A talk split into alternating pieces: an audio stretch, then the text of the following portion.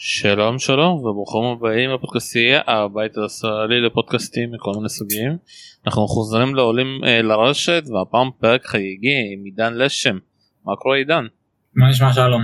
מעולה אז אתה יודע לפני שככה נתחיל ככה ונצלול אה, ככה בוא תעדכן ככה את המאזינים שלנו אה, מה שלומך אתה פרשת ככה במשחק האחרון מול אה, ישי פרשת ומה קורה מאז איתך. כן, לצערי נאלצתי לפרוש שם אה, במשחק, אה, מתמודד כרגע עם אה, מחלת הקורונה. האמת יותר קשה ממה שחשבתי וציפיתי. כרגע אני עושה את כל מה שאני יכול בשביל לחזור להתאמן, לחזור לכושר ולהיות מוכן לכמה שיותר מהר לתחרות הבאות. טוב אז כמו שאומרים רק בריאות וכמה שיותר מהר תחזור ככה אלינו.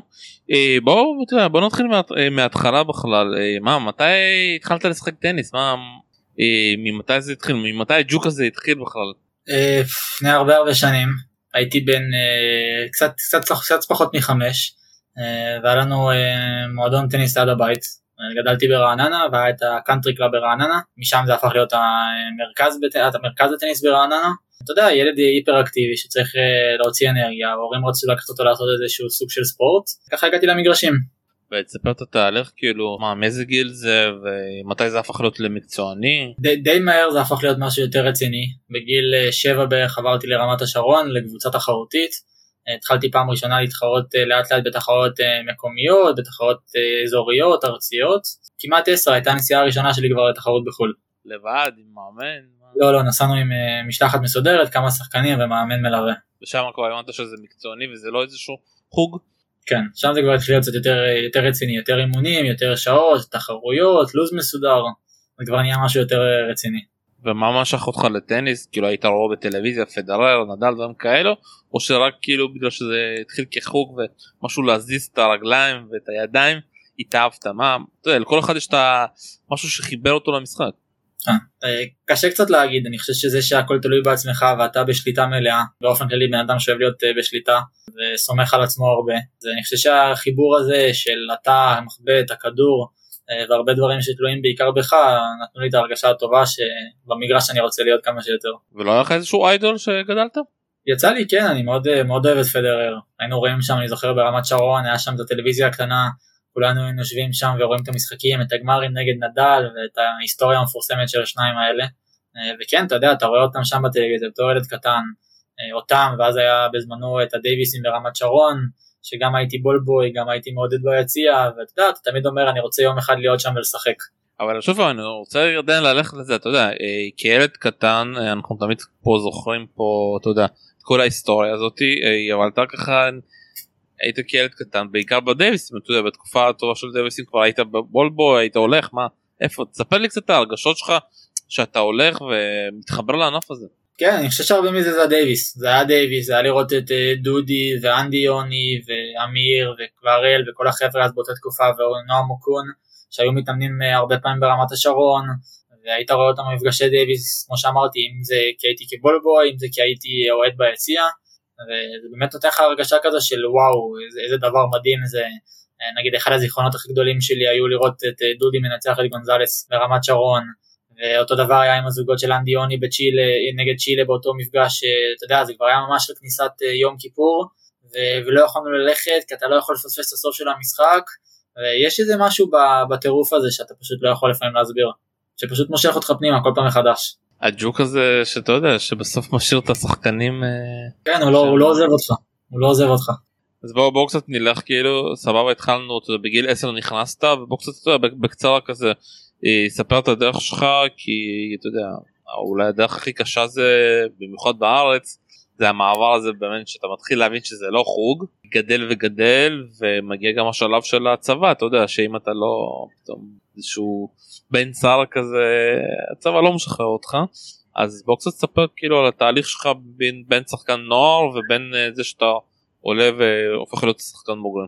אני חושב שמשהו שמאוד טוב שיצא לי uh, להתמזל מזלו זה שעברתי אצל הרבה לא אצל הרבה אבל אצל מאמנים מאוד מאוד טובים שכל אחד ככה uh, מהניסיון והיתרונות שלו והידע שלו תרם לי באמת והרכיב את uh, מי שאני בתור שחקן היום. אם זה התחיל אה, עם אה, רון בקר שנתן לי הרבה כלים בתור ילד צעיר, המשיך עם, אה, עם אייל ארליך וליאור דהן ושם במרכזי הטניס, עד שהגעתי באמת לעמוס בהדר יוסף. שם באמת התחלתי איזשהו תהליך יותר לעניין הבוגרים, התחלתי להתחרות יותר בתחרות פיוטר, התחלתי לנסוע יותר לתחרות של פיוטרים, אה, לקח לי הרבה הרבה זמן, לקח לי 22 פיוטרים להשיג את הנקודה הראשונה שלי, ועבדתי קשה בשבילה. ומשם לאט לאט זה נהיה טיפה יותר רציף, עם טיפה יותר רבעים, ואז חצאים, ופתאום גמרים, ופתאום לוקח את הפיוטרים בצורה יותר רציפה. וכן, באמצע היה גם את הנושא של הצבא, שלצערי זה איזשהו גוף שקצת מתקשה אה, להבין את העולם של הספורט. לא כל כך יכול להאשים אותו, כי בסופו של יום הוא גוף מאוד מאוד גדול שצריך אה, אה, בעיקר לספק, לספק את כולם, וזה לא, לא תמיד כל כך קל. אני חושב שלנו את הניסאים זה הרבה יותר קשה בגלל הנסיעות המרובות לחו"ל, שאנחנו באמת לא יכולים, כמו לדוגמה כדורגלנים או כדורסלנים, ללכת לאימון בבוקר או בצהריים ולחזור בערב, הנסיעות שלהם מאוד מצומצמות, אצלנו רוב השנה היא בחו"ל, במיוחד אה, כשהתגייסתי הייתי 500 בעולם, ובמהלך השירות הגעתי להיות 250, יצא לי בשנה אחת להיות באזור ה-30-30 וקצת שבועות בחו"ל. אז uh, אתה יודע, זה מאוד מאוד קשה לגוף כזה גדול שלא מכיר את הסיטואציה הזאת, פתאום uh, לבוא ולהתמודד עם בן אדם שפשוט לא יכול להגיע. אבל אם אני זוכר, היה פה ניסיון, אתה יודע, כבר שחר פאר, ויש פה שחקנים שכבר, אתה יודע, גם כל האולימפים. מתמודדים לא בדיוק עם שחקן אבל מתמודדים עם כל העניין הזה אה, ויש כבר פתרונות לזה למה אצלך אה, זה לא הצליח למה ואני שוב פעם אני זוכר ככה במעורפל אולי תספר לי קצת את התהליכים שעשיתם אתה ואימא שלך ניסיתם לפנות לשלטונות ניסיתם להיעזר באנשים פניתם לאנשים ולמה לא לא שמעו את זה. אה, אני חושב שזו הסיטואציה קצת מורכבת זה גם הרבה עניין של מזל על איזה מפקד באיזה בסיס אתה נופל אתה יודע, כמו בכל דבר בחיים יש כאלה שמוכנים קצת יותר להעלים עין ויש כאלה שפחות. אה, אז במקרה שלי בצבא, למרות שהם מאוד מאוד ניסו לעזור לי, אה, לא הצליחו באמת למצוא איזשהו משהו שהוא אה, עזרה משמעותית. לגבי השלטונות, אני חושב שזה היה קצת חוסר מזל, היה חילופי תפקידים, היה אנשים חדשים שנכנסו לתפקיד, אתה יודע, פתאום לבוא ולעשות דברים שהם כביכול ככה משמעותיים כלפי מישהו, בתחילתה של דרך של בן אדם בכיר, זה קצת היה פוגע אולי בהמשך, בהמשך הדרך שלו, ואני חושב שזה היה גם, כאילו עוד פעם, זה היה חוסר מזל, נפלתי קצת בין הכיסאות בחילופי תפקידים, בתפקידים הבכירים. אני אלך קצת אחורה, הייתה שם איזושהי אופציה שחשבתם אתה והמישהו אולי לעזוב וללכת להתאמן באיזשהו מקום, אקדמיה בחו"ל, אה, שזה לא היה בחשבון. לא, זה היה משהו מאוד מאוד קטן בגיל צעיר, ש... שבכלל עוד הרבה הרבה לפני הגיוס, אבל אה, זה לא משהו שיצא לפועל. ולמה, כי אתה יכול לספר על זה או שזה לא היה בכלל... אה? לוגיסטיקה, לא הסתדר לוגיסטית. בוא כבר אחרי הדבר הזה אני ככה מכניס אותך לבוגרים אתה יודע אי, ככה אחרי כאילו כל הבלאגן עם הצבא אי, בוא קצת תספר את המסלול שלך שוב פעם את המסלול איך שאתה רואה כי המסלול הזה ואתה כבר בן 26 עכשיו הוא מאוד up and down הרבה עליות ירידות רואים אותך בעיקר בגביע דאביס אתה יודע רואים קמצוץ כזה קשה מאוד אתה יודע רק העכברים רואים אותך mm-hmm. וזה מסלול מאוד בודד אה, שאתה מתמודד עם הרבה בעיות עם אה, חוסר תמיכה חוסר ספונסרים בוא תספר לי את זה מהעין שלך. זה קשה זה קשה יותר שאתה לא מצליח אתה מצליח הדברים טיפה יותר קלים אתה משחק אתה מרוכז בתחרות אתה גם כמובן אה, מגיע לתחרות הרבה יותר אה, טובות ובחירות וזה גם קצת עושה את החיים הרבה יותר אה, קלים. אבל אה, כן, אין ספק שזה חוויה וספורט שהוא מאוד מאוד אכזר ומאוד בודד. לאט לאט אתה לומד עם הזמן ל... להתרגל לזה קצת. אה, אתה לומד לאט לאט אה, להעביר לעצמך את הזמן לבד, ואתה לומד למצוא פתרונות, ואתה לומד להעסיק את עצמך. ושוב, ככל שאתה משחק ומתחרה ואתה מנצח, אז אתה מרוכז יותר בתחרות, ואתה מרוכז יותר במשחקים, אז יש לך פחות זמן להתעסק בדברים אחרים. לאט לאט אתה יודע, אתה גם רוכש חברויות עם כל מיני שחקנים מכל העולם, אני יכול להגיד שיש לי היום חברים כמעט מכל מקום בעולם, אז זה גם נחמד, אתה רואה תרבויות, אתה לומד אנשים אחרים, אתה יוצא כל פעם לארוחת ערב עם מישהו אחר, אתה משחק זוגות הרבה פעמים, חבר'ה זה זרים שאתה לא מכיר או מכיר ואתה יודע לאט לאט יוצר קשרים. מצד אחד זה מאוד בודד, מצד שני אתה מקבל גם הרבה דברים שאנשים רגילים לא היו זוכים להם. אז מה ה drive? drive זה אהבה לספורט. בסופו של יום אנחנו כולנו מאוד אוהבים את הספורט הזה ואתה יודע, יש לך תמיד את החלום ואת הרצון להגשים אה, את מה שאתה רוצה ואתה הולך קדימה. אתה יודע אחד הדברים שתמיד אה, אמיר ויינטוב אני זוכר שהוא היה אומר שהמקום הכי גרוע זה היה אוזבקיסטן לשחק. אני דווקא מאוד אהבתי אותה מאוד מאוד אהבתי אותה והתוצאות שלי היו מאוד טובות שם. אז מעולה אז מה אצלך כאילו המקום הכי גרוע ששחקת בו? האמת שהייתי פעם אחת באיזשהו מקום בקזחסטן אה, לפני הרבה לפני שלוש ארבע שנים כמעט הייתי שם וזה פשוט עיר מפעל מאוד מאוד קטנה, בדיוק הקימו שם מועדון טניס חדש לגמרי, אף אחד לא מדבר אנגלית, אין מסעדות, אין כלום, ואתה מודד את עצמך, אתה קם בבוקר, הולך למשחק, מסיים את היום, אתה סגור בחדר, אין לך לאיפה ללכת, אין לך עם מי לדבר, אין לך כלום. אז הייתי אומר שזה השבוע הכי קשה שהיה לי. מזלי היה לי תמיכה מהבית, אז אתה יודע, הייתי כל היום בטלפון עם משפחה וחברים, אבל כן, זה היה השבוע הכי קשה שהיה לי לדעתי. אבל אתה תצחק, אבל לקחתי אותו. אה, לקחת אותו. כן, זה היה פיוטר 25 ראשון, אה, אפילו נטו שם שם על שמי. אה, עץ, סליחה, על שמי. בוא, בוא נדבר קצת, אתה יודע, מקצועית. איך אתה מגדיר את עצמך? אתה שחקן צהבולי, אתה שחקן מגרשים קשים, אתה אוהב חיימר. מי, מי, מי זה עידן לשם? אני חושב שהדייוויס וה-ITP האחרון הראו לאנשים פחות או יותר את הסגנון משחק שלי. מאוד מאוד אגרסיבי, מחפש לבוא פנימה, מאוד, מאוד אוהב את האזור של הרשת וחושב שזה גם איזשהו כלי נשק היום כי אתה לא רואה הרבה חבר'ה עושים את זה היום. המגרשים נהיו יותר איטיים, הכדורים נהיו טיפה יותר כבדים, טיפה יותר קשה היום אבל אני חושב שזה איזשהו אלמנט שהוא מאוד מאוד חשוב ואני מאוד שמח וזה אחד מהדברים שאמרתי שזכיתי אליהם שמגיל מאוד מאוד צעיר השרישו בי את הדברים האלה של להיות אגרסיבי, לחפש לבוא ולנצח את הנקודות ולא לחכות שייתנו לי אותם ולבוא פנימה, כל הזמן לשים את הלחץ על היריב. וזה משהו שוב מגיל קטן כאילו זה, זה הסגנון כן. כן מגיל קטן זה הדברים אתה יודע אה, לימדו אותי לבוא ולנצח. לימדו אותי לבוא ולקחת את הדברים לידיים שלי. אני חושב שזה גם אחד הדברים שאני אוהב אה, בספורט הזה שכמו שאמרתי שזה בשליטתך. אם אני כמובן שיש גם שחקן בצד השני שיש לו לפעמים אה, אתה יודע הוא גם באותה סיטואציה כמוך הוא רוצה לנצח ורוצה לשחק טוב אבל אתה שולט בדברים כמה שאתה יכול. אתה תמיד יכול למצוא את הדרך לשלוט בסיטואציה. אה, אחד הדברים שאצלך באמת שמתי לב אצלך שאתה אוהב מאוד לשלוט אה, אתה יודע אה, במשחק וכמו שאמרת לנהל אותו. אבל פתאום אתה מקבל אתה יודע אחת הבעיות בטניס שצריך תמיד להתאים את עצמך. ולפעמים צריך להיות הגנתי ולפעמים צריך להיות יותר התקפי. אתה אוהב את זה כאילו כל פעם לבוא ולנתח את המשחק מחדש ולהתאים את עצמך? או שאתה אומר אני צריך להיות הכי טוב במה שאני עושה? אם אני רוצה לשחק ולהצליח אני צריך להיות הכי טוב אגרסיבי ולעלות לרשת. אה, לא, אני חושב שאתה כן צריך לדעת לעשות את ההתאמות, אבל אני כן חושב שהחילוק צריך להיות באזור ה-80-70% לדברים שאתה עושה טוב, וה-20-30% הנוספים זה התאמה לשחקן.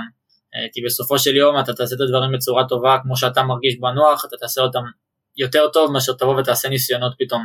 אה, אז כן, כן חשוב לעשות אדפטציות וכן אנחנו יושבים כמעט לפני כל משחק, אה, אתה יודע, היום עם עידן הטכנולוגיה אתה יכול לראות קצת משחקים של שחקנים אה, יריבים, אתה יכול טיפה לנתח, אתה יכול טיפה לשאול, אה, כמו שאמרתי שיש לי הרבה חברים, אני יכול לשאול טיפים מחברים לסבב, ואתה כן עושה את ההתאמות.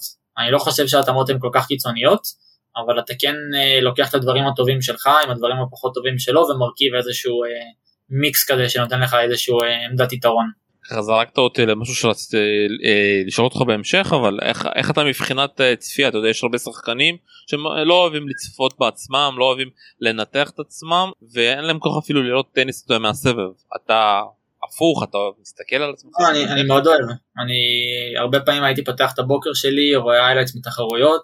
בדרך כלל אם הייתי יודע נגד מי אני משחק אז בערב לפני אה, אני או המאמן או כל אחד כזה ואחר היינו יושבים ומסתכלים טיפה. אה, ועושים כמו סיור מוחות על כל מיני נקודות שאנחנו חושבים שיכולים לעבוד ליום למחרת וככה בעצם מכינים סוג של תוכנית. כי אני חושב שלי באופן אישית ובאופן כללי זה שאתה בא ממוקד עם איזושהי מטרה אה, זה מאוד מאוד עוזר. בוא בוא בוא תיכנס לזה כאילו אתה יודע מה זה אנליטיקה מבחינתך? יש עכשיו הרבה כלים שאתה רואה משחק של היריב שלך. על מה אתה מסתכל? על איזה נקודות אתה שם לב. אתה מחפש מחפש לראות איפה יש טיפה נקודות תורפה. אה, למרות שהיום הרמה בסבב היא מאוד מאוד גבוהה ואתה לא תראה הרבה חבר'ה שיש להם איזושהי תורפה מאוד רצינית, אבל לכולם יש משהו שאתה יכול לנסות לשבת בו עליו קצת יותר, ואתה אתה, אתה בא עם איזשהו כיוון מחשבה, אתה בא עם הדברים הטובים שלך גם כמו שאמרתי שיכולים לעבוד יותר אצלו, אה, בסופו של יום אתה מחפש את המהלכים שמבחינה סטטיסטית יש להם את הכי הרבה אחוז לתת לך את מירב הנקודות. בוא בוא בוא נלך קצת, אתה יודע, ניכנס לזה.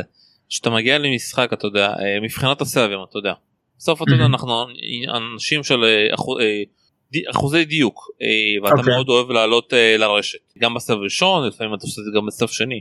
איך אתה מגיע ואתה מחליט היום במשחק הזה אני מגיש ככה וככה אני עולה לרשת פחות אני עולה יותר איך, איך, איך ההכנה הזאת מתבצעת. קודם כל אני מסתכל על אתה יודע גם תחושה של אותו יום יש ימים שהסרב שלי יהיה באחוזים יותר גבוהים ויהיה טיפה יותר טוב ויש ימים שהוא קצת פחות טוב אז אני משחק גם עם זה מבחינת התחושה שלי. מצד שני אתה גם צריך כן לתת פה את התשומת לב ליריב, מאיפה הוא אוהב יותר להכות את הריטרן, מאיפה הוא אוהב פחות, לאיזה כיוונים הוא מכה יותר, לאיזה, נקוד, לאיזה אזורים פחות, מאיפה הוא מרגיש יותר נוח, מאיפה פחות, סתם לדוגמה, יש שחקנים שמאוד אוהבים להכות את הכדור כשהוא רחוק מהם, ויש הרבה מאוד, הרבה מאוד שחקנים שלא אוהבים להכות את הכדור שהוא בגוף שלהם. אתה ככה מנסה פחות או יותר למצוא את הדברים, ו... ועוד פעם, זה שבאת עם תוכנית, לא אומר שתתחיל איתה את המשחק ותישאר איתה עד הסוף, אה, כי יכול להיות שבאותו יום הוא ירגיש מאוד נוח עם הדבר הזה, שבדרך כלל הוא לא מרגיש נוח, ויכול להיות שבאותו יום לך זה יעבוד פחות, אה, ויכול להיות שגם במהלך המשחק הוא פתאום ייכנס לזה טיפה יותר, ואתה אומר אוקיי, עשיתי מה שעשיתי עכשיו ואני רואה שזה טיפה פחות עובד ואני אעשה משהו קצת שונה. לא אבל אני שואל אותך למשל אה, בהכנה אתה יודע שאתה מגיע למשחקים במיוחד בפיוטרים בטורנירים קטעים כי סתם גם ראינו אותך ב-ATP שיש לך את הביטחון אתה כבר אוטומט אתה הולך בנקודות החשובות אפילו לרשת סרבולי שיש לך את הביטחון אתה הולך על זה אתה יודע וזה מצליח כאילו. זה פה זה העניין של האחוזי הצלחה. אבל בפיוטרים זה יותר קשה כי צ'לנג'רים זה אתה יודע, לפעמים אני אומר שזה יותר קשה מאשר לשחק ב-ATP כי ב-ATP אתה מכיר את השחקנים ואתה יודע מה החולשות אתה יודע זה יותר תלוי באיזה יום קמת כאילו.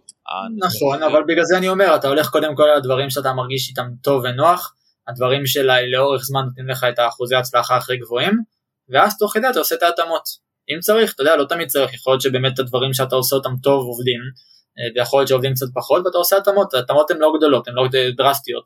אה, זה באמת איזה שהן התאמות שהן אה, מאוד קטנות ומאוד ספציפיות ואתה גם מוכן אליהן. זה לא שפתאום אני עושה איזשהו משהו והוא לא עובד ואני נכנס לאיזושהי היסטריה ולחץ וכזה אוקיי אני לא יודע לעשות משהו אחר. אתה בונה עוד uh, תוכניות. אתה יודע אני אשאל כאילו את השאלה שככה פשוט יודע, אני, אני מבין את זה אבל המאזינים אולי לא מבינים. המשחק הופך להיות ממש יודע, מבוקר וכל נקודה אנליטיקה. אתה יודע בכל נקודה בכל מצב שמנו גם מה אתה עושה ב-30-30 מה אתה עושה כשאתה בנקודת אה, שבירה כאילו או שאתה משחק כאילו אתה, מגיע למשחק ואתה משחק לפי הרגשה. אנחנו עוברים כבר ל, אתה יודע, לעניין של אתה יודע, עם כל האנליטיקה וקרדיט אושנסקי שלפעמים כבר מנתחים את זה לפי נקודות ממש קטנים. אז אצלך הטניס הוא יותר אנליטי ואתה באמת יודע ואתה מתאמן על נקודות ספציפיות ואיך אתה מתמודד עם הלחץ או שהוא יותר על פיל אה, ואיך אתה מרגיש לפי אותה נקודה. אני חושב שזה שילוב של השניים עם uh, טיפה אולי נגיעה לאנליטה. בוא בוא תסביר. Uh, שוב כי כמו שאמרתי רוב הפעמים אני אלך עם מה שאני מרגיש איתו טוב uh, בלונג, בלונג רן איפה שאני יודע שאני אביא לעצמי את הסיכוי הכי גבוה להביא את הנקודות. Uh, וכמו שאמרנו בסופו של יום יש ימים טיפה פחות טובים ימים טיפה פחות שהתחושה טיפה משתנה שהשחקן השני מאוד נוח לו עם הדברים שאתה עושה טוב ואתה צריך למצוא פתרונות והפתרונות זה לפעמים לעשות משהו טיפה אחר. אז אם, אם ה... בוא נלך סתם על דוגמה, הדבר שאני אוהב לעשות זה להכות סרב החוצה בשוויון ולרוץ לרשת, ובאותו יום הוא עושה את זה מצוין, או אני מגיש פחות טוב החוצה, אז אני לא בהכרח אלך ראש בקיר וילך על משהו שבאותו יום נתן לי את האחוזי הצלחה יותר טובים. אם זה סתם דומה, להגיש לגוף שלו ולרוץ פנימה או לא לרוץ פנימה אפילו, לחכות לכדור הבא. שוב שזה מאוד חשוב, אתה מאוד מגוון, אתה לא נתקע ראש בקיר, שזה משהו ש... בגלל זה גם אוהבים את המשחק, שתמיד צריך לחשוב מה לעשות המשחק הוא מאוד דינמי, הוא משתנה כל הזמן. מה, מה אתה עוד אוהב אה, לגבי כל העניין הזה של האנליטיקה? אה, אתה משתמש, אתה לומד אה, עם הנתונים, אם שאתה עובד עם יואב שב ו... אני חושב שזה נותן לך איזושהי הרגשת ביטחון, שאתה מאוד ממוקד מטרה ואתה יודע פחות או יותר את הדברים שאתה רוצה לעשות ולהביא למגרש, זה נותן לך הרגשה טובה. זה כמו אתה יודע שאתה בא למבחן מוכן אחרי שעמדת טוב, אתה, אתה בא עם ביטחון למבחן. אז ברגע שאתה מתרגל את הדברים ואתה בא עם ראש נקי לגבי התוכנית משחק שלך, זה מאוד מפקס ומאוד אה, מכניס ביטחון. שנה שעברה היא לא הייתה כל כך טובה אצלך, הרבה עליות וירידות, ואז הגענו ל-ATP 250 ושם באמת נתת אחד הטורנירים הטובים שאנחנו ראינו. לפני שאנחנו מגיעים לטורניר גם דיברנו את זה אז בטורניר אבל בוא תספר גם למאזינים ששומעים את הפודקאסט הזה מה היה אז ב-2022 אה, שהיה קשה קצת להיכנס לשנה הזאת. זה התחיל מזה שבאמצע 2021 אה, תפסה אותי מחלה, מחלת הנשיקה ומאוגוסט 21 עד פברואר 22 לא התחרתי בכלל. אז הייתי חמישה חודשים בחוץ עם עוד חודשיים של אה, תקופת הכנה בשביל באמת לחזור לכושר כושר משחק ברמה אה, הכי טובה שאני יכול, וכן ההתחלה הייתה מאוד קשה, פתאום לחזור להתחרות אה, בקצב, בקטע הפיזי, בקטע המנטלי, לחזור להיות בחיים הבודדים אה, היה טיפה קשה, אה, ואני חושב שכל התקופה הזאת הייתה בעצם איזושהי כמו תקופת הסתגלות וכניסה חזרה לעניינים. כי ברגע שלאט לאט התחברו לי הניצחונות, אם זה היה ב- בליגה בגרמניה שאני משחק, או בפיוטרים פה ברעננה ובנתניה, ככה שלאט לאט הגלגל התחיל להסתובב, ואני חושב שהיה אפשר לראות שגם בקיץ שמרתי על אה, רצף אה, של ניצחונות, הייתי אה, בגמרים וחצאי גמרים באופן די קבוע בטורנירים. אני חושב שהכל בעצם התכנס ל-ATP ולדייוויס, אה, סליחה, ול, כן, לדייוויס ול-ATP, וגם אמרתי זה אז בזמנו, ההבדל הכי גדול זה שהיה לי את המעטפת שלי, קרוב אליי, שעזרה לי מאוד.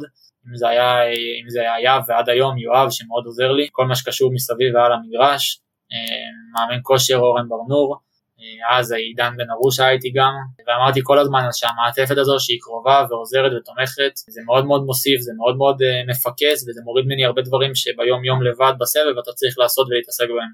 הייתי באמת יכול לבוא לתחרות, למשחק ופשוט לשחק. ואני נכנס עכשיו איתך, אתה יודע, לדבר הרבה על דוויס, אבל דווקא אני רוצה ככה להמשיך ככה לפי השנה הזאתי, ואז אנחנו מגיעים מול צ'כיה ואתה משחק מול שני שחקנים שהם אתה יודע השחקנים הכי כישרוניים אתה יודע גם תומאס אה, מחס וגם יארי לצ'פקה אה, ששם ראינו מי זה עידן לשם האמיתי אפשר להגיד שם ראינו אותך באמת מאמין משחק את הטניס עם הקהל מה מה, מה התפוצץ שם פתאום. חושב שזה היה שילוב של הכל זה היה שילוב של הרצף משחקים הטובים שבאתי איתו זה היה שילוב של השבוע אימונים מעולה עם המעטפת שהיה לנו שם. אה, זה היה האנרגיות שקיבלתי מהקהל, זה היה, אתה יודע, גם ההתפתחות של המשחק, כשאתה פתאום עולה למשחק ומתחיל טוב, זה, זה מאוד שונה אם אתה פתאום עולה ומתחיל טיפה פחות טוב ומרגיש טיפה מאוסס. אני חושב שזה שהתחלתי את שני המשחקים, התחלתי אותם מאוד מאוד טוב, מאוד מהר הכניסו אותי לעניינים, וכן, אני חושב, אתה יודע, שאני ברמות האלה של הטניס, אה, שאני מסוגל לשחק ברמה הזו מול השחקנים האלה, אה, ורק צריך שבאמת הדברים יתחברו קצת. מה, מה למדת מהמשחקים? מאמין שראית אחרי זה אותם? מה, על מה הסתכלת? מה אמרת? פה הייתי צריך לעשות יותר טוב מול אה, לצ'פקה או מול מחס.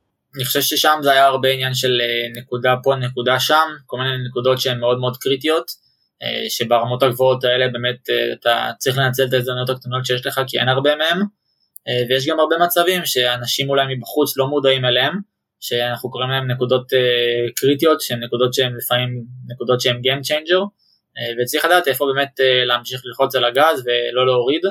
אה, אני חושב שזה גם הרבה עניין של ניסיון. זה גם מה שעשה את ההבדל לדעתי בשני המשחקים האלה. נקודה פה, נקודה שם, שיכולים לעשות הבדל מאוד גדול.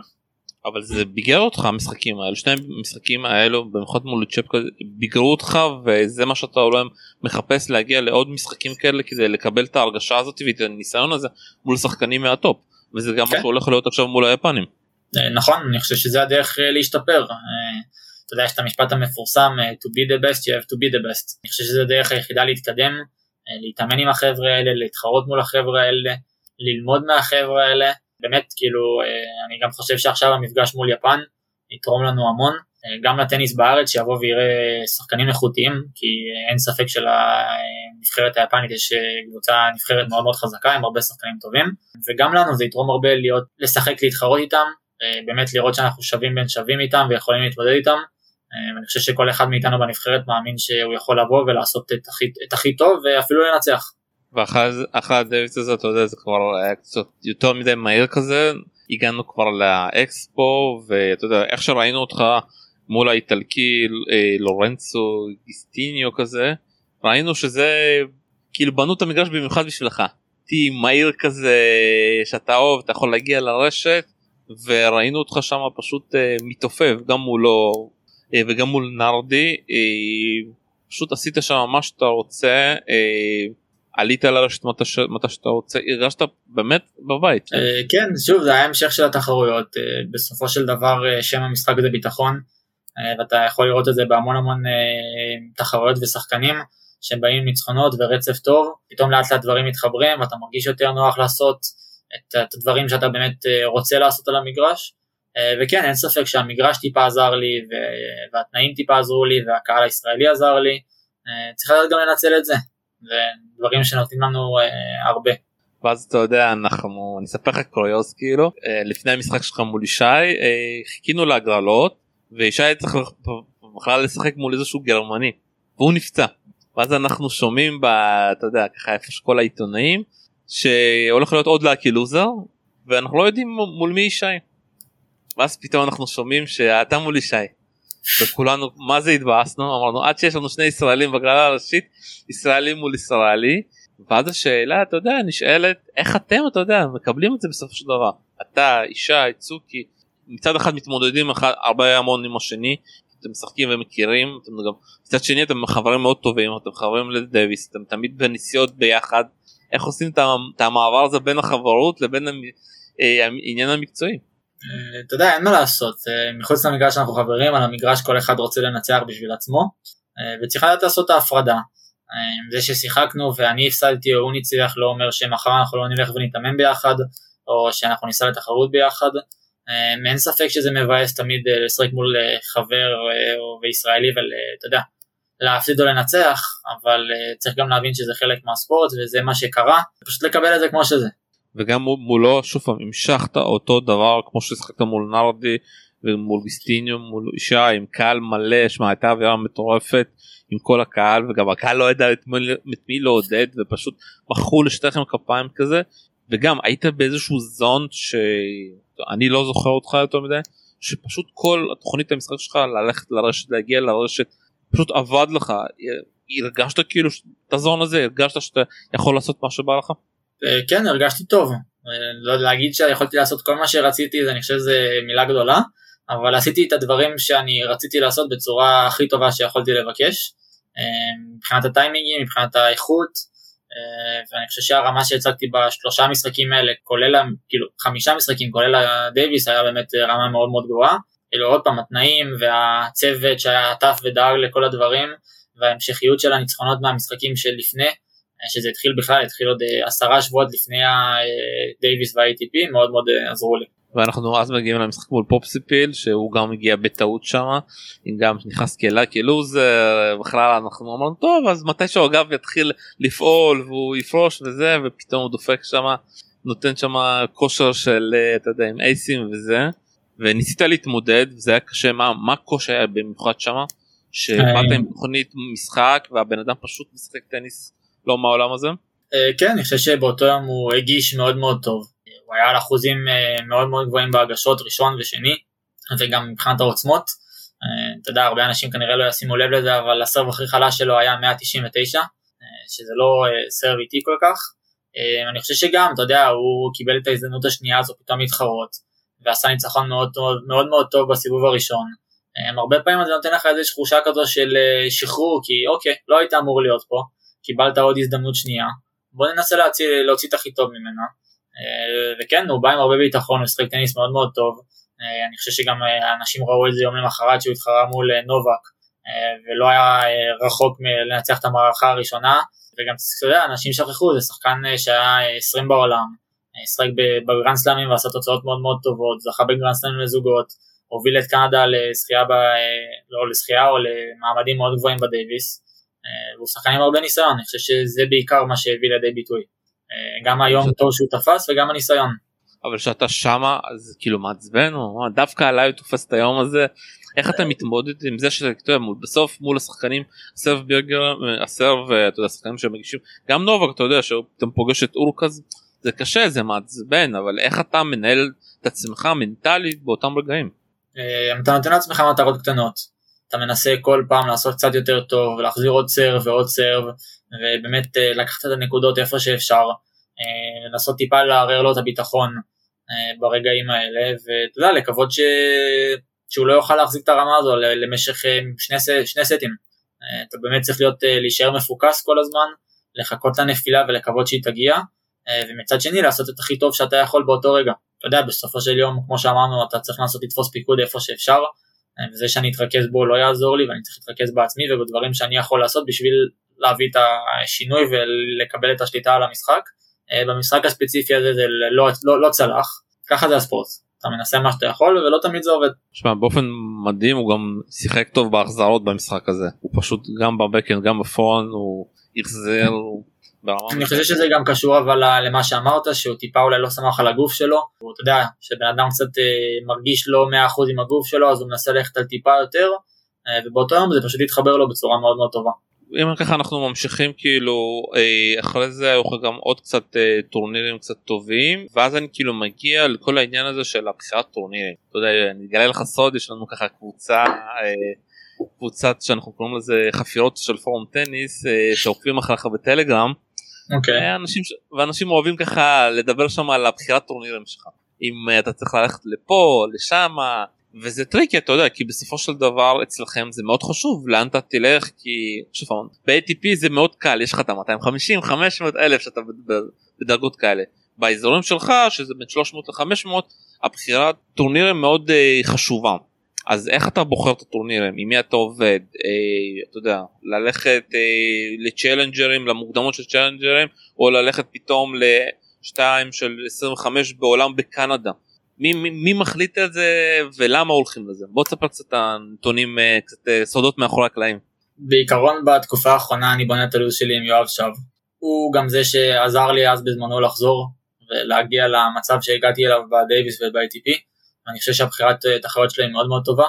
יש עוד אלמנטים וצדדים שאולי הקבוצה שלכם פחות מסתכלת עליהם. מבחינתי קודם כל העדיפות את התחרות הכי גדולה שאני יכול לשחק.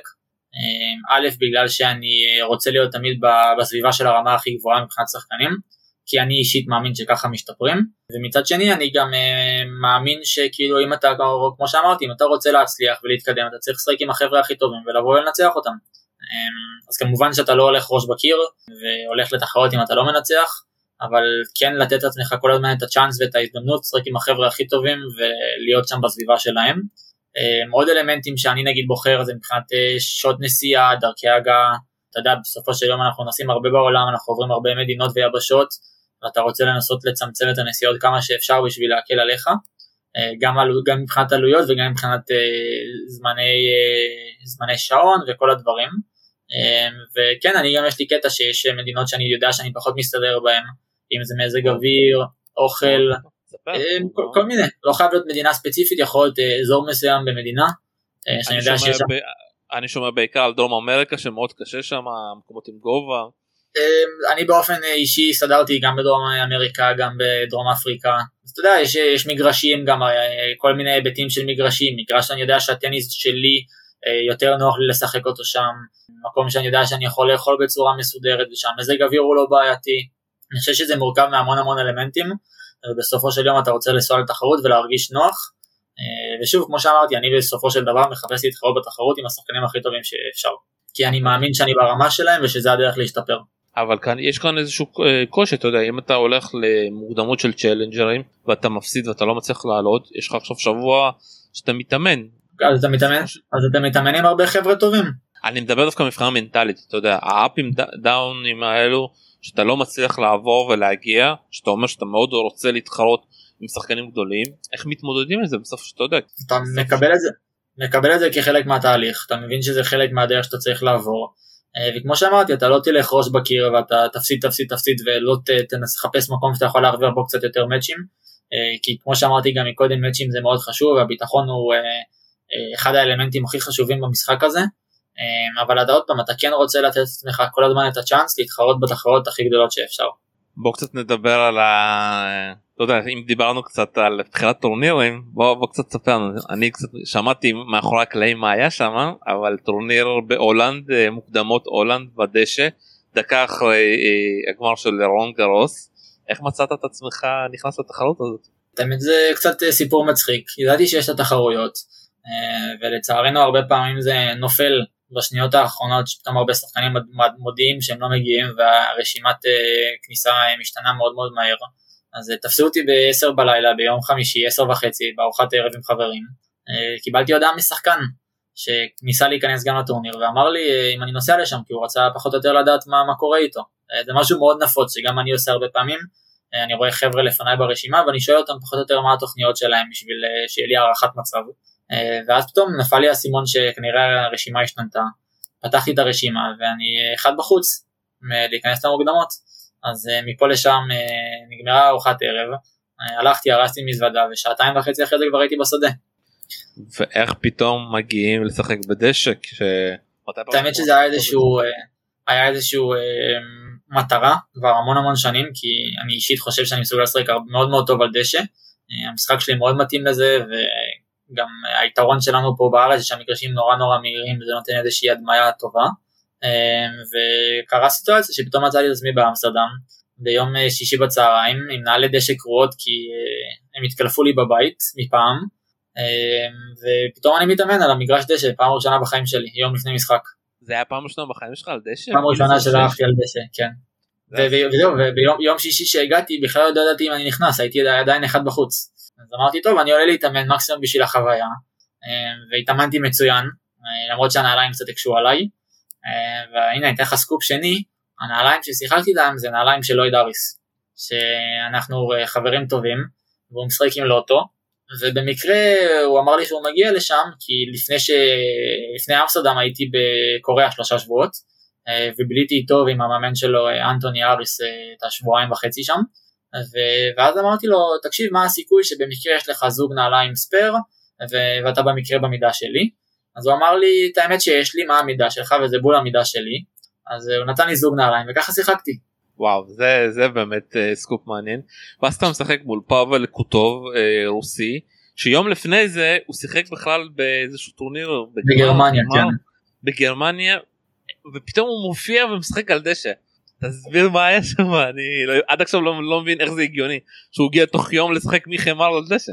Uh, כן את האמת שאני מכיר אותו קצת ואת הבחור שמאמן אותו אז uh, ישר שהוא הפסיד תפסו טיסה הם הגיעו מוקדם מוקדם בבוקר להולנד אה, עשו, ובגלל זה גם שחקנו יחסית מאוחר, אה, כי הוא קיבל את האפשרות לשחק הכי מאוחר שאפשר באותו יום בגלל שהוא הגיע מטורניר אחר, וזה עבד קצת לטובתי, כי הוא לא, לא הרגיש כל כך נוח במגרש, אה, ואני הרגשתי מאוד מאוד נוח, ואני חושב שבאמת השחקתי טניס מאוד טוב, אז ככה זה היה כזה שילוב של דברים שעבדו לטובתי, אם זה המגרש, אם זה זה שהוא הגיע מאוחר, הכל ביחד.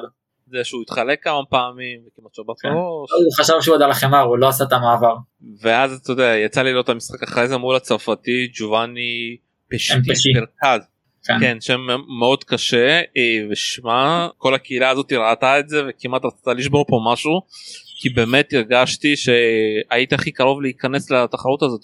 השחקן כן. הזה גם אתה יודע כמה שהוא גבוה גדול אה, אבל הוא לא אתה יודע עידן לשם עם עוד קצת ניסיון על הדשא מנצח אותו בעיניים עצומות. אני חושב שזה היה שילוב של uh, כמה דברים פחות חוסר ניסיון כי באמת הרגשתי מאוד מאוד טוב על המגרש.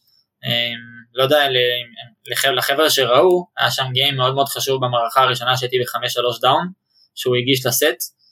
גיים מאוד ארוך עם הרבה יתרונות ושוויון ובסוף שברתי אותו. ושם איך אמרת יש כאלה רגעים שפתאום הדברים מתחילים להתחבר לך קצת. הרגשתי שמשם העליתי רמה והטניס שלי היה הרבה יותר טוב. אה, גם הגעתי לשתי הזדמנויות שבירה ב-1-0 אה, במערכה השנייה. הבעיה ו... איתו הייתה שהוא אם הוא מכניס את הסרב הראשון אתה יכול ללכת נכון, לישון. יש לו הרגשה טובה אבל הרגשתי, הרגשתי שזה לא מאיים עליי יותר מדי שאני יודע שזה יהיה הרבה פעמים מאוד מתסכל. כשזו התמודדות כזו שהרבה פעמים אתה עושה הכל נכון ופתאום הוא בא עם איזו הרגשה מאוד מאוד גדולה ואין לך מה לעשות עם זה. אה, אבל הרגשתי מאוד מאוד נוח על המגרש והכל וזה התפספס בקצת. החוסר ניסיון שלי על הדשא בא לידי ביטוי בזה שהיה לי פציעה קלה בברך. אה, כנראה בגלל איזושהי תנועה לא טובה או באמת המעברים המאוד חדים ממגרש קשה למגרש דשא והנעליים והכל אז אני חושב שזה היה החוסר מזל של החוסר ניסיון. אה, אבל בסך הכל הרגשתי מצוין. התבאסתי ש...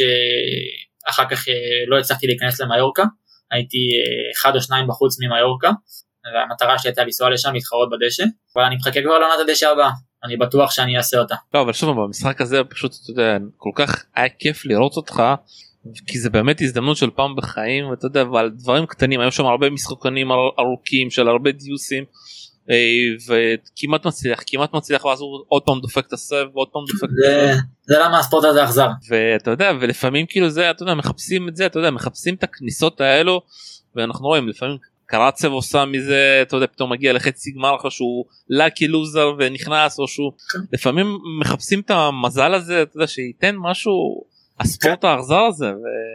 נכון אבל אה, סך הכל באמת זה היה חוויה מאוד מאוד אה, טובה. גם שוב כמו שאמרתי תמיד לחפש רק את התחרות הכי גדולה. אה, יצא לי באותו בוקר להתחמם עם דוד גופן, אה, יצא לי במהלך השבוע להתאמן עם הרבה חבר'ה מאוד טובים, אה, ובסופו של יום זה מה שאתה מחפש, אתה מחפש להתחרות עם החבר'ה האלה, להתאמן עם החבר'ה האלה, טיפה לשאוף מהם את ה, איך הם מתאמנים, מה, איך הם מתנהלים, כי באמת הם הגיעו לשם בחס, בזכות, הם עבדו קשה בשביל זה ואתה רוצה להיות כמוהם והרבה פעמים אפשר ללמוד אתה יודע קצת מכל אחד. כי כל אחד יש לו משהו שמייחד אותו ומוסיף לו ועוזר לו ואני מאוד מאוד אוהב את זה.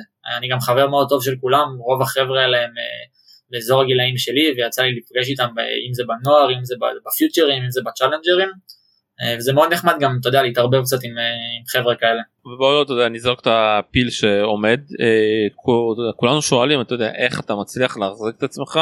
אתה יודע להמשיך להתמודד אחרי עוד פציעה אחרי עוד אכזבה. כי בסוף הספורט הזה הוא לא זול.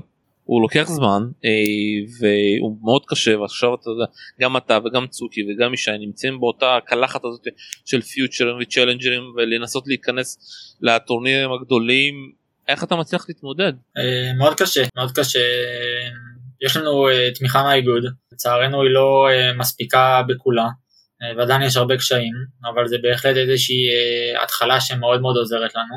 לי באופן אישי זה עוזר מאוד, אבל כן זה מאוד קשה, אתה בעיקר מסתמך על תוצאות, על הכנסות מתחרויות, כולנו משחקים ליגה, אם זה בגרמניה וצרפת ופה בארץ בשביל באמת לעזור לנו, מעבר לזה שלדעתי זו חוויה מאוד מאוד גדולה לשחק גם בגרמניה וגם בצרפת, אה, ובאמת יש איתנו הרבה חבר'ה מאוד מאוד טובים בקבוצות, וזה שוב מתקשר לדברים שאמרתי שאתה רוצה להיות בסביבה של החבר'ה האלה, אה, לשחק איתם, להתאמן איתם, כי באמת לדעתי זה הדרך להשתפר, אבל כן, אתה עושה את כל הדברים האלה מסביב.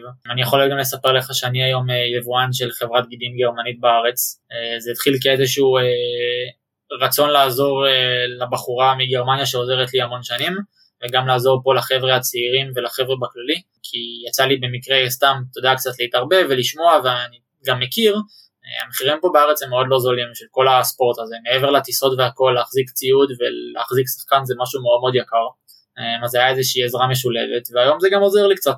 אבל דבר כזה מבחינה מנטלית, איך אתה מצליח אה, להגיד, עידן, ממשיכים הלאה, אחרי שאתה מפסיד באיזשהו מקום חור, אתה לא תמיד, אתה לא תמיד אומר, אבל אתה אחר כך יושב ומבין אה, כמה אתה אוהב את הספורט וכמה זה חשוב לך וכמה אתה באמת רוצה ומאמין שאתה יכול להצליח, אה, וזה הדרייב.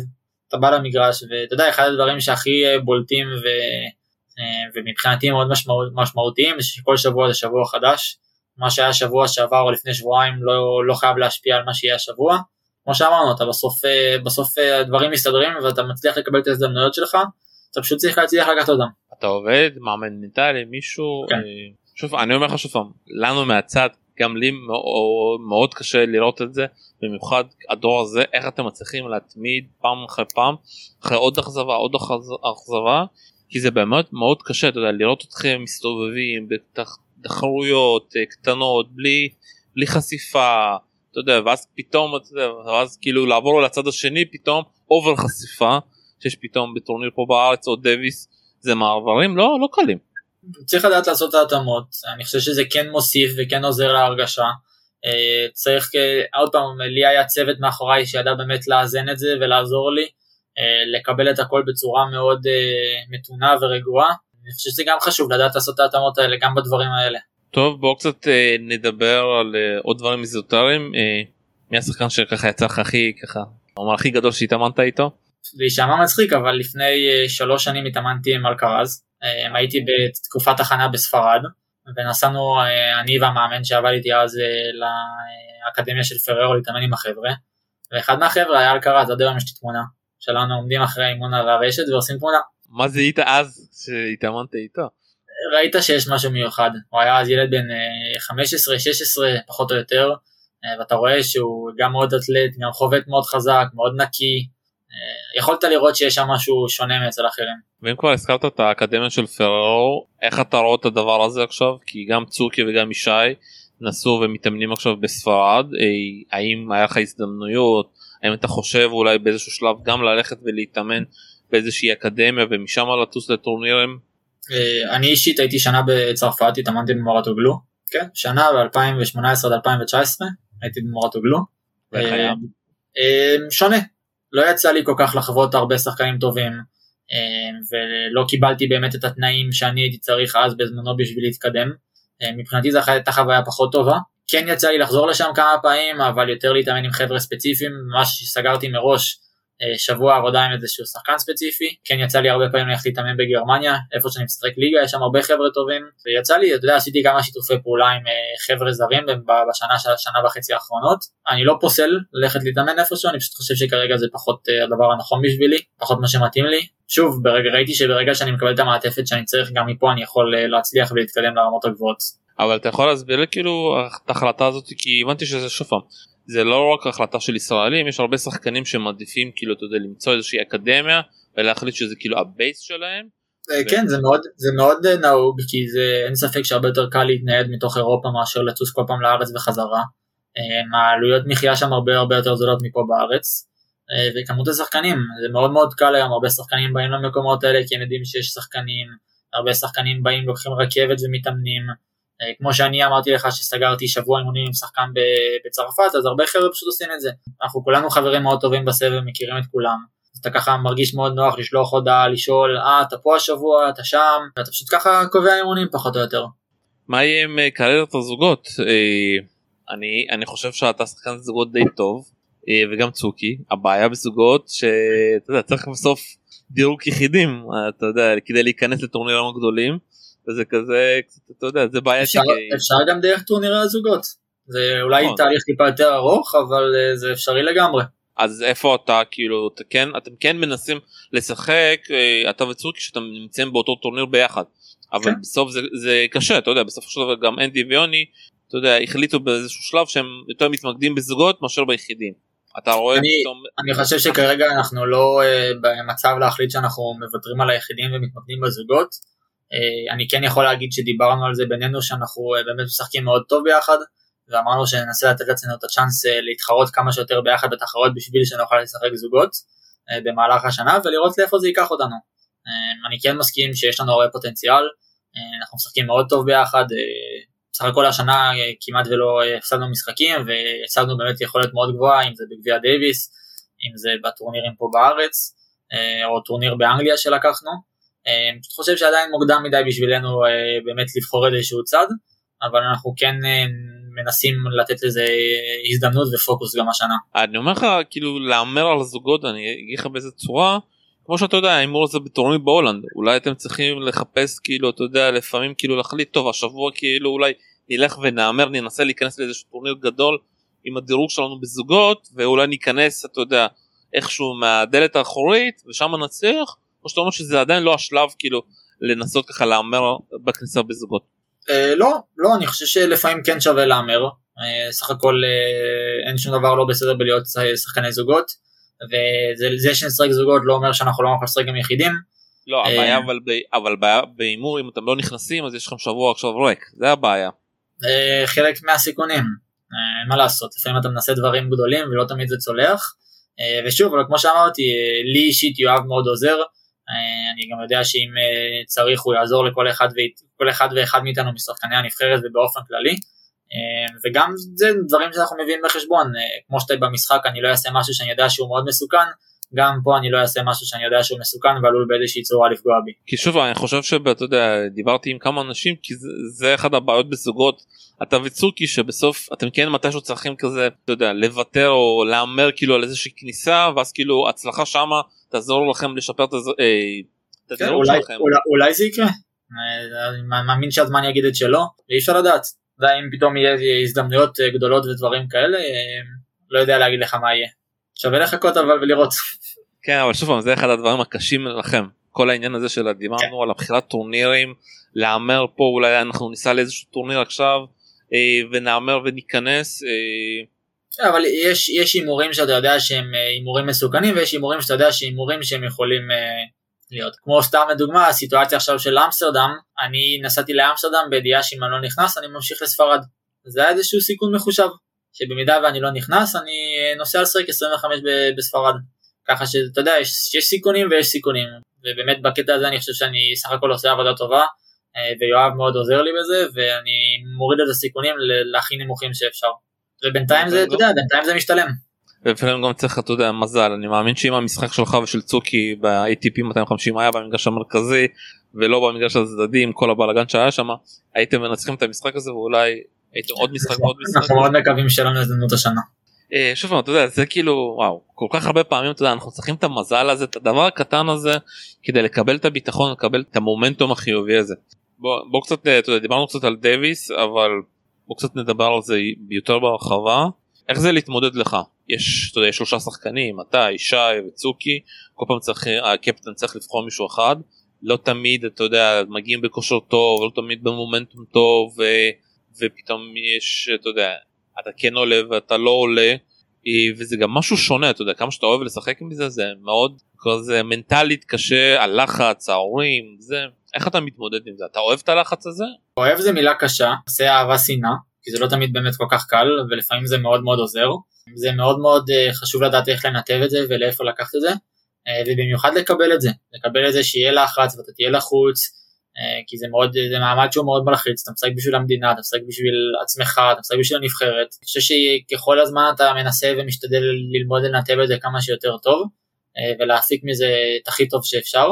אה, וכן, אתה יודע, אין מה לעשות, בסופו של דבר אנחנו שלושה שחקנים שסך הכל פחות או יותר באותו מתחרים באותן תחרויות ועם פחות או יותר אותו דירוג, בסופו של דבר זה נבחרת, אנחנו צריכים לעשות מה שהכי טוב בשביל הנבחרת, ומי שבכושר הכי טוב אה, לפני המשחק הוא זה שיעלה. עוד פעם, אתה מדבר באופן, אה, אתה יודע, כולל, אבל בסוף אתה שם צריך להתמודד. אני, אני אם אני לא עולה, אני מתבאס, כי אני תמיד חושב שאני יכול לתרום, אני תמיד חושב שאני יכול להביא את הנקודה.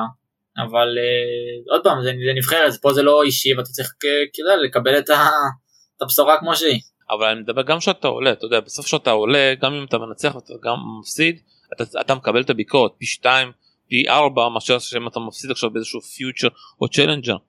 זה, זה דברים זה, זה חלק מהדברים שאתה צריך לדעת לנתב אין מה לעשות הביקורת. איך, אה... איך אתה מתמודד עם זה אתה יודע זה הקושי אני חושב אתה יודע תמיד מדברים על אה, למה בסוף שחקנים מצליחים בדוויס ולא מצליחים. מצד אחד יש פה את הקהל וזה ואת המעטפת ואז אתם אחרי זה נוסעים ואתם משחקים מול חמישה אנשים. איך אתה מתמודד? המעטפת מאוד עוזרת לך. המעטפת עוזרת לך. גם uh, בלפני גם באחרי גם במהלך. יש, יש לך מישהו לדבר איתו יש מישהו ששומר עליך יש מישהו שדואג לך.